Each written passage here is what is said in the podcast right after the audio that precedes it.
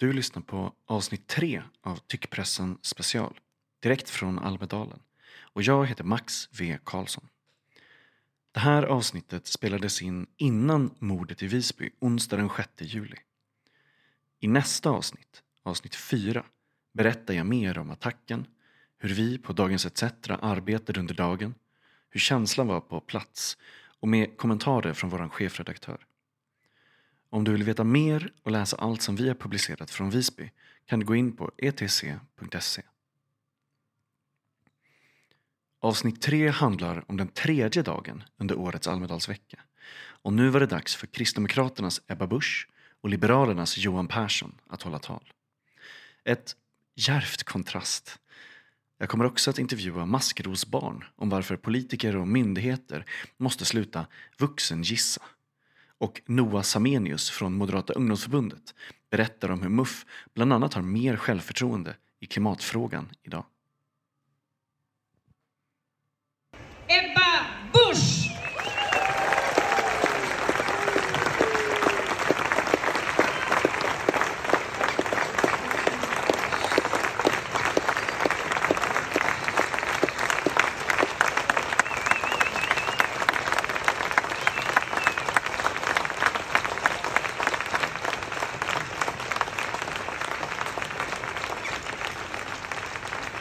Tack så jättemycket. Almedalen, vänner. Äntligen! Äntligen är vi på plats här i Almedalen. Och så roligt. Så roligt att få se er här. Hörni, vilket fantastiskt tal Magdalena Andersson höll här i, eh, i söndags. I alla fall inledningen. Hörde ni det talet? Ja, det lät ju faktiskt precis som jag. Fast för sex år sedan i Almedalen. Och sen, sen följer hon upp det med att tala om att det har blivit dyrt att vara svensk. Då, då vände jag mig om till Peter Kullgren och så sa jag det att eh, kommer det en sak till, ja då får vi faktiskt ta och skicka en royaltyfaktura till Sveavägen. Jag menar, vi kan ju inte jobba gratis åt dem, vad skulle facket säga då?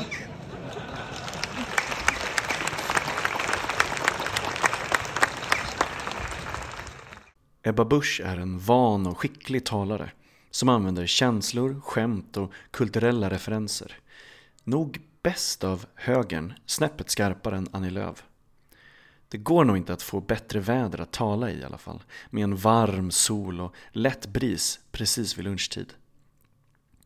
Ungefär 2 500 personer har samlats i parken för att lyssna. Fåglarna kvittrar. Den idylliska sommaren stod i rätt starkt kontrast till innehållet i talet som allra mest fokuserade på brott, integration och nära en ja, men domedagsretorik. Alla partier säger att varje val är ett ödesval och de kanske också menar det, eh, inte helt säker, men det är i alla fall inte helt nytt. Däremot innehöll talet några överraskningar. Och framförallt tycker jag att det blev solklart att det är Ebba Busch som har tagit på sig oppositionens ledartröja när Ulf Kristersson svajar. En överraskning var användandet av klassretorik.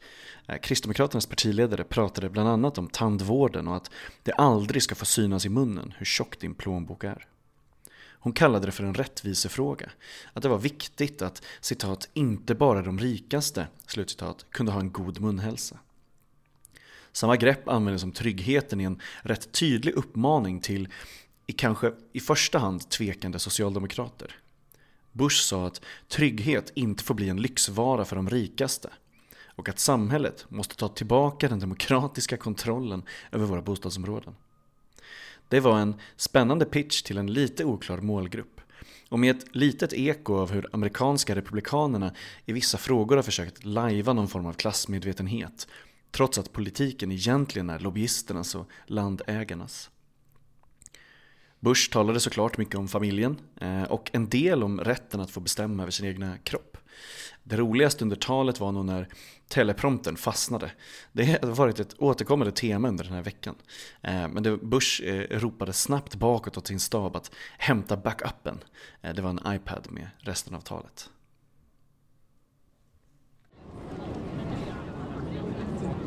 Det låter jättebra. Det är bra. Jag står här på ett eh, soligt och eh, eh, lite blåsigt hamnplan. Jag har precis varit på ett konstigt seminarium som jag ska prata mer om sen. Ehm, men så stannar jag till vid Barnrättstorget. Barnrättstorget är en samling av organisationer som delar eh, på liksom ett tält här eh, centralt i, i Visby och sådär. Ehm, jag har varit här förut, eh, några år tidigare. Då låg det liksom i ett hus lite längre bort. Nu är det levande, det är jättemycket folk som sitter här, det är ett seminarium som ska börja precis och ja, men det känns som att det är liksom ett flöde av, av människor. Ehm, jag tycker att det känns kul. De här organisationerna är ju bland annat BRIS, Rädda Barnen, Barnafrid, Junis, Unicef, Jämställdhetsmyndigheten, Stiftelsen Allmänna Barnhuset och Maskeros barn som jag har med mig här. Ehm, först och främst, vem är du och vad håller du på med? Varför är du här i Almedalen? Mm-hmm. Ja, jag heter Linn Englund och jag jobbar som verksamhetsutvecklare på barnrättsorganisationen Maskrosbarn. Och vi är här i Almedalen i år för att driva vår valkampanj Vuxengissa det här låter jätte, jätteintressant. Så eh, vuxengissa, jag, man associerar ju direkt till till exempel så här killgissa som ändå blev en stor grej. Men eh, eh kan du, innan vi pratar om kampanjen, varför är eh, Maskrosbarn i, i Almedalen överhuvudtaget? Många organisationer så här, ja, men, eh, har ju ett visst syfte med varför man är, är här. Ni har ju varit här många år förut också. Varför är ni här? Jo men vi på Maskrosbarn tycker att det här är en jätteviktig mötesplats för att föra fram eh, de rösterna från de barn eh, och unga som vi möter eh, och att helt enkelt förbättra levnadsvillkoren för dem för att föra fram det här till politiker och andra beslutsfattare. Va, berätta om Vuxengissa, vad, vad är det och liksom, eh, har ni några liksom, vad är det för politik som ligger bakom det? Har ni också liksom politiska krav till, till dem? Eh, för det här, du, som du sa, det är riktat till politiker antar jag. Vad är, vad är Vuxengissa? Ja men att vuxengissa är ju som det låter, det är när vuxna tar sig tolkningsföreträde att gissa vad barn och unga behöver utan att fråga barn och unga. Så man bestämmer helt enkelt och vuxengissar. Ehm, och det är ju en del av ja, vår eh, valkampanj eh, och det som, den frågan som vi driver är ju framförallt barns rätt till stöd. Det finns en bild idag av att samhällets skydd och stöd är fungerande, att det ja, men att man, man, hjälper de barn och unga som är i behov av stöd. Men vi ser ju, och ja, men framförallt genom de barn och unga som vi möter, att det inte är så. Eh, samhället står inför jättestora utmaningar med ökande psykisk ohälsa, eh, gängkriminalitet, eh, ekonomisk utsatthet och så vidare. Och där ser ju vi att eh, barn behöver Eh, med mer stöd. Eh, att det stödet som finns är bristfälligt. Det tar för lång tid innan barn får det stöd som de är i behov av och det finns för lite stöd helt enkelt. Ni möter ju en väldigt eh, unik målgrupp, eller liksom, ni har ju ett ex expertområde med eh, eh väldigt då, men, eh, utsatta barn på olika sätt och, och så. Eh, eh, finns det något exempel på när de här barnen har mött en vuxengissning? Liksom, finns det, har ni något exempel från verksamheten där, där ja, men barnen blir gissade om av vuxna på det sättet?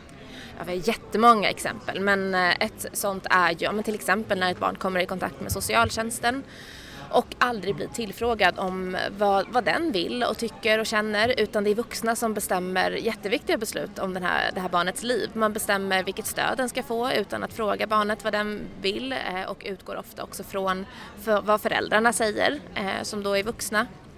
Och det här leder ju då ofta till att ja, stödet blir verkningslöst. Man fick inte det stödet man behövde för det var vuxna som gissade vad barnet behövde. Just det. Och jag kan tänka mig att det är liksom också oberoende egentligen av liksom vad stödet blir, kan jag tänka mig att man känner sig liksom sidelined eller att man, eh, eh, eh man kanske till slut hamnar rätt åt ett håll men att liksom under hela den här processen har liksom det inte spelat roll vad du säger i, i det, eh, vad de här barnen säger i, i det. Eh, men, och jag, jag, hörde lite innan, eh, jag, jag smyglyssnade lite innan, eh, det finns också då konkreta politiska krav som ni har till politikerna. Eh, vad, vad är det för någonting? Ja men precis, vi har ett antal eh, valkrav och eh, det första är ju då att vi ser att de barn som är placerade i familjehem, jourhem, ehm, att de har ett behov av att få en stödperson. Att det ska vara obligatoriskt att alla barn som blir placerade ska erbjudas en stödperson. För att det är en så himla stor omställning och det är så tufft och svårt. Eh, så det är det första valkravet som vi har. Och det som vi har sett också med det stödet som finns, eh, som kommunerna har att erbjuda, eh, där ser vi att vi behöver följa upp det bättre. Det behöver finnas ett krav på att kommunerna ska följa upp och utvärdera de insatserna som ges till barn. Vi vet ganska lite om vad, vilket resultat det ger och vi behöver bli bättre på att fråga barnen hur de upplever det stödet. Eh, sen ser vi också att man behöver tillsätta en statlig utredning för att se över de öppna insatser som finns. Eh, behöver se eh, hur det ser ut över landet. Eh, så vi vet ju att det nu är väldigt ojämlikt, att det är jätteolika om man bor till exempel i Stockholm eller om man bor i en mindre ort, eh, vilket stöd man kan få. Men där behöver vi se, se över vad det finns och sen då slutligen så behöver vi också sluta vuxengissa och involvera barn i utvecklingen av insatser. Det behövs mer stöd och fler insatser och det är ingenting som vi vuxna kan bestämma vad det ska vara utan där behöver vi från början involvera eh, ungdomar redan från när man liksom har nya direktiv eh, och i politiska processer behöver barn och unga involveras. Grymt. Ikväll så talar Johan Persson, eh, partiledare för Liberalerna.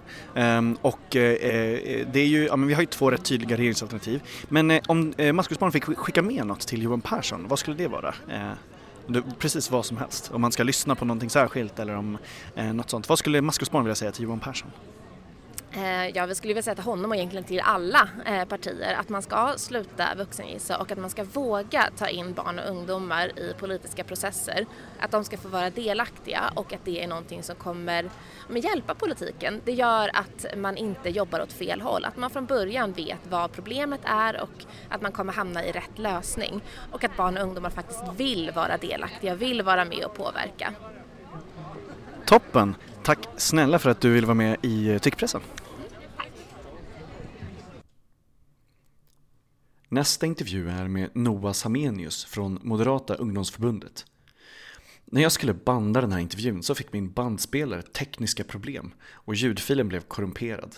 Eh, det gick inte att använda alls.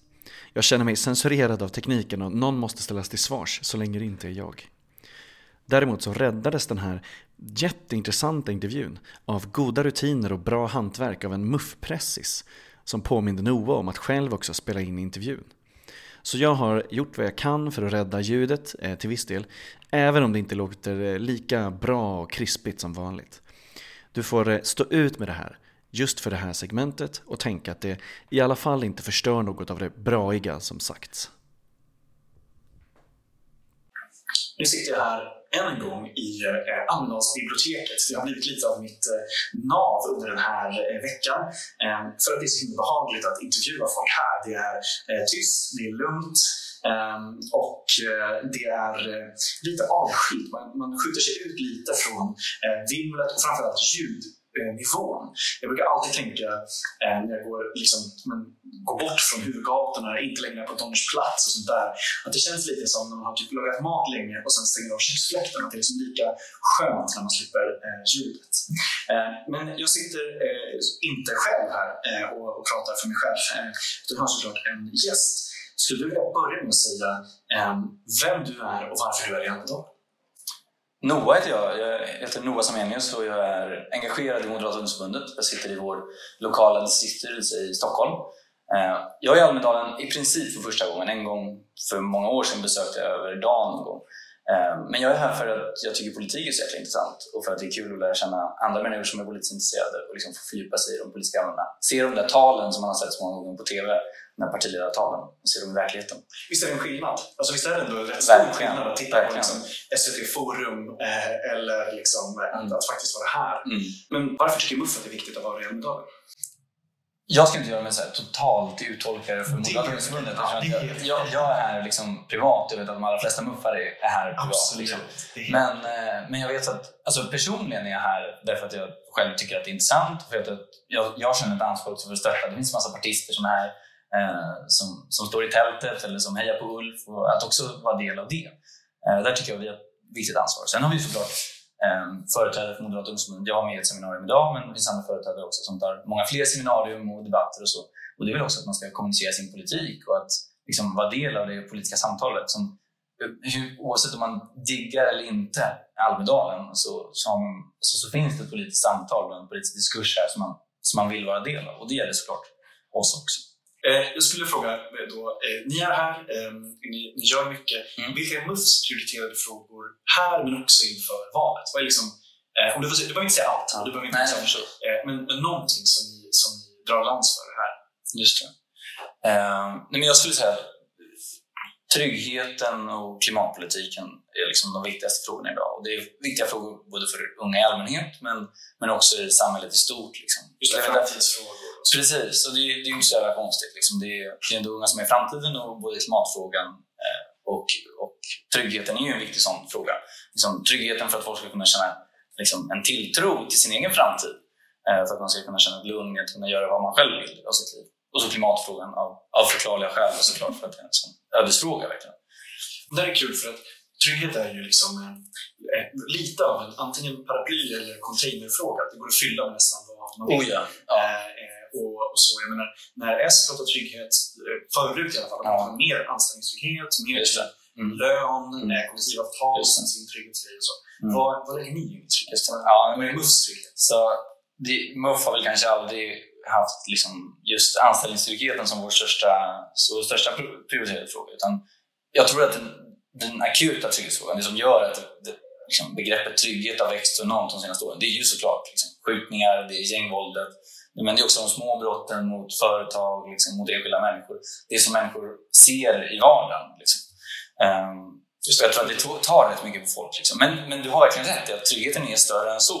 Alltså för att människor ska kunna liksom, leva ett värdigt liv och känna sig, eh, känna sig trygga med att göra de val de själva vill. För ett förbund som oss som pratar mycket frihet, liksom, då finns det trygghet i andra aspekter som är liksom lika viktigt. Trygghet att vara den man vill i familjen, trygghet, att, trygghet på jobbet i alla dess former också. Just det, och även typ eh, trygghet att ha ett jobb. Eller ja, där, absolut. Eh, verkligen. Det finns ju verkligen. Och där, där, det måste man ändå säga, vi, vi snackar ändå rätt mycket liksom, arbetslinje och sånt, den typen av saker. Och första jobbet. Absolut. Och, mm. och den, den biten. Liksom. Mm. Eh, jag, eller personligen brukar jag lyfta alltså, just frågan om jobb. Att få ett jobb och få ett arbete, precis som du var inne på.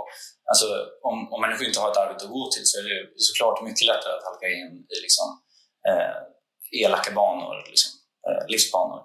Eh, och jag läser just nu den här Tills alla dör, om, om du känner, känner till boken. Eh, och den är ju dels otroligt välskriven, men det, den, den berättar ju dels om, om, om allt, allt det dåliga som händer, skjutningarna, gängkriminaliteten, men han ger ju också en väldigt bra beskrivning om, om människornas uppväxt. Liksom. Om de här gängkriminellas uppväxt, att många hade det svårt i hemmet, att, eh, för familjen som inte kom in i samhället. Liksom man hade svårigheter i skolan. Och då att ge resurser till skolan, att se till att skolan fungerar bra, att man ställer krav på de skolorna som fungerar allra sämst. Det är också enormt viktiga delar eh, av, av det här med att komma åt gängkriminaliteten, tror jag, alltså på sikt. Ehm, men det är också, också det här med att om föräldrarna kommer in i samhället, om de får möjligheten att få ett jobb från första början, inte bara den som kanske sen blir gängkriminell, utan hos föräldrarna, om de får ett jobb, om de lär sig språket, kommer in i samhället, eh, kanske flyttar till en ort där inte alla är från exakt samma område i en annan del av världen men med en annan kultur. Liksom.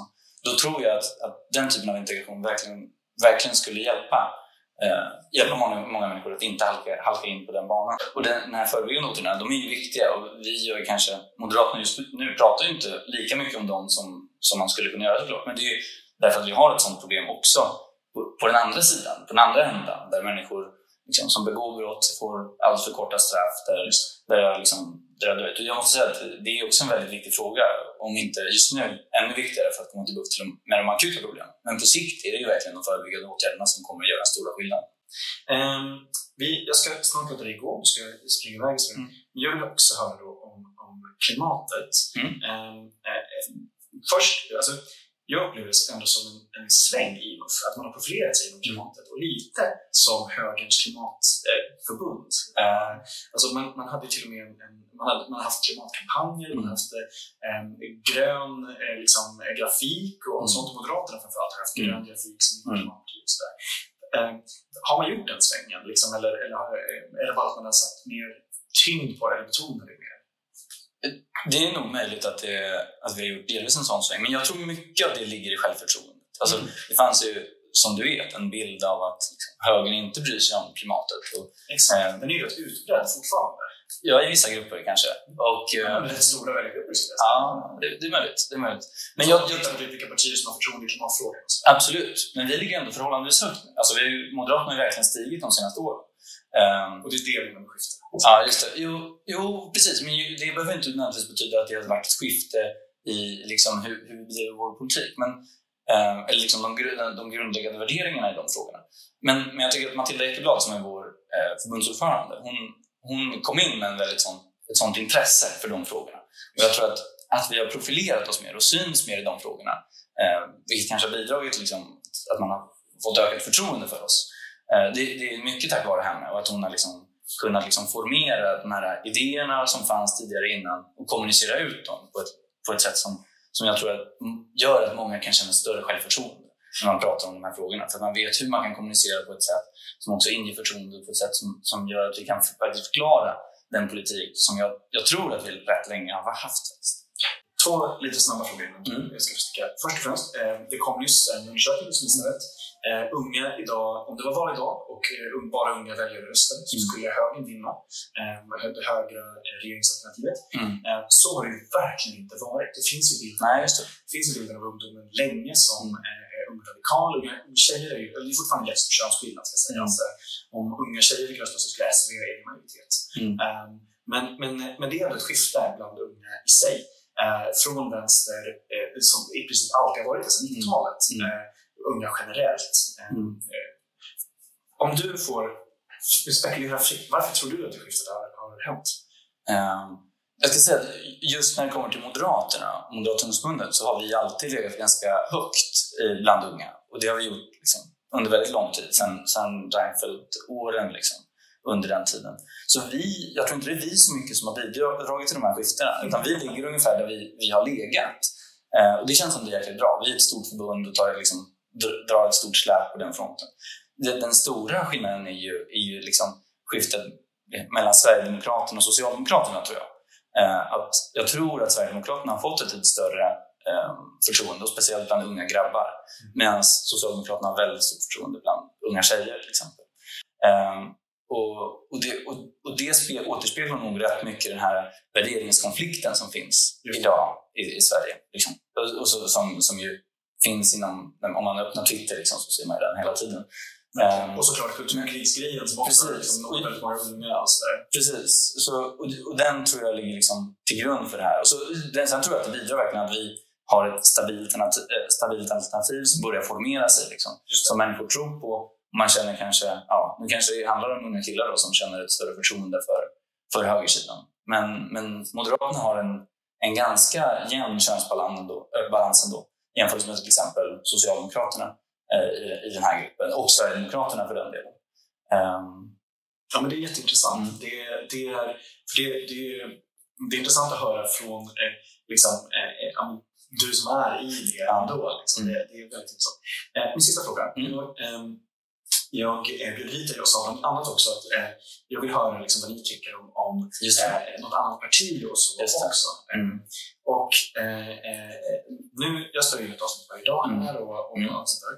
Men om du skulle vilja liksom, antingen kommentera då ett tal som har varit, kanske Magdalena Anderssons eller Nooshis mm. Eh, och så, eller någonting, ett tal som ska vara, typ, du skulle mm. vilja höra från typ, vem som helst, Annie Lööf eller Per Just vad, vad skulle du vilja liksom säga till våra lyssnare då? Det, är liksom, det här är en fri kanal. Just det. Ja. det är jätteintressant att höra. Först en, en kort observation bara. Det känns som att Magdalena Andersson har ju uppenbarligen tagit Socialdemokraterna steget högerut rätt mycket, i alla fall i retoriken. Liksom. Och det har varit en förändring som Socialdemokraterna har gjort ganska länge. Liksom. Men också Nooshi har gjort det. Alltså, eh, Vänsterpartiet argumenterar nu ungefär som Socialdemokraterna många gånger har gjort. Liksom. Um, och det är ganska intressant att se. Men om man, men om man, men om man tar just Magdalena Anderssons tal liksom, så tycker jag uh, att den här kampanjen att Sverige kan bättre är ganska intressant. Liksom. Mm. När man har, nej men, nej men det här med att har, man har styrt så länge. Magdalena Andersson har haft den högsta statsrådsposten i, i åtta år, eller näst högsta majoriteten av tiden och nu är hon ju statsminister. Um, och att man ändå liksom lite har mage att säga att Sverige kan bättre när man själv har ett ganska stort ansvar. Alltså, det är kör till allt möjligt. Det är kör till att få pass, det är kör till BUP, det är kör till eh, bostadsmarknaden. Ja, till, bo, till bostadsmarknaden. Man borde införa fria hyror så, att, det kommer, så, så att det kommer åt det. Eh, det är kör till fängelserna så att förövare går, går fritt. Liksom. Eh, jag, jag kan chokas av det rätt mycket. Liksom. Att, man, att den där skamlösheten som finns i Socialdemokraterna Eh, och sen, sen har hon ju ett liksom grundförtroende eh, för att hon, hon har synts mycket i media som finansminister länge. Eh, och det ska hon ha och det märks ju när hon talar med ett, med ett självförtroende. Men jag tror, alltså, jag tycker att det är liksom ganska grunt när man, när man tittar på resultaten. Just det.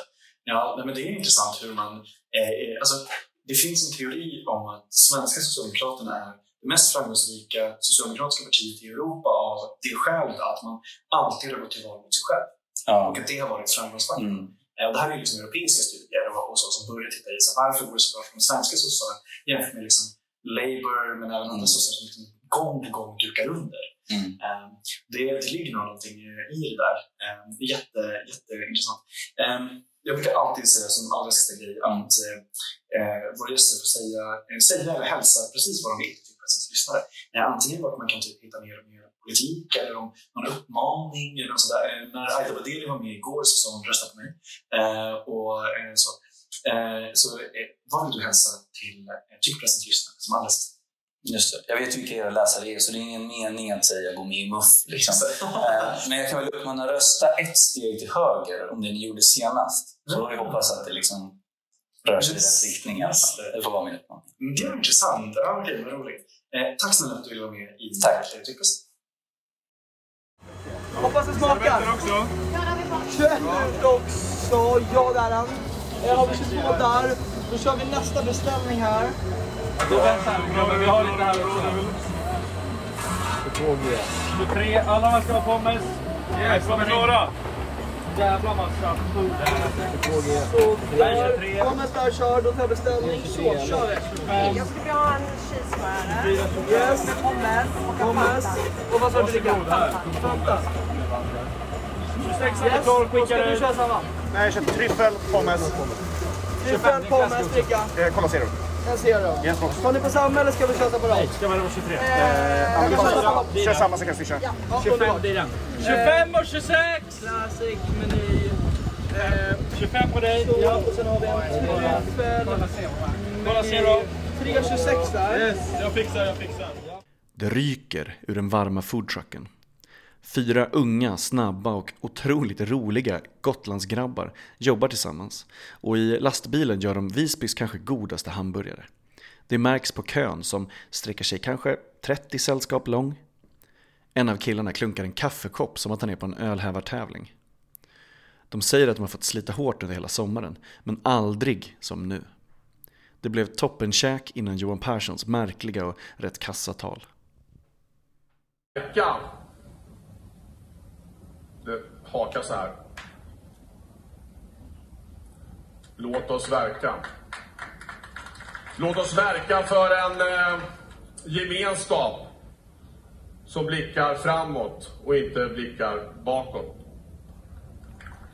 Ja, men nu kommer payoffen. Så nu vänta. Kampen mot utanförskapet vinner vi tillsammans! Eller inte alls!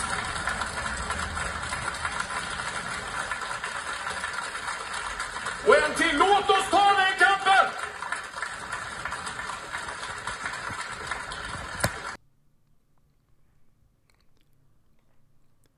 Ebba Busch och Johan Persson är helt olika, men med lika taggad publik. Johan Persson höll ett av Almedalsveckans längre tal. Det var spretigt och hans röda tråd såg ut som att en treåring hade målat med krita.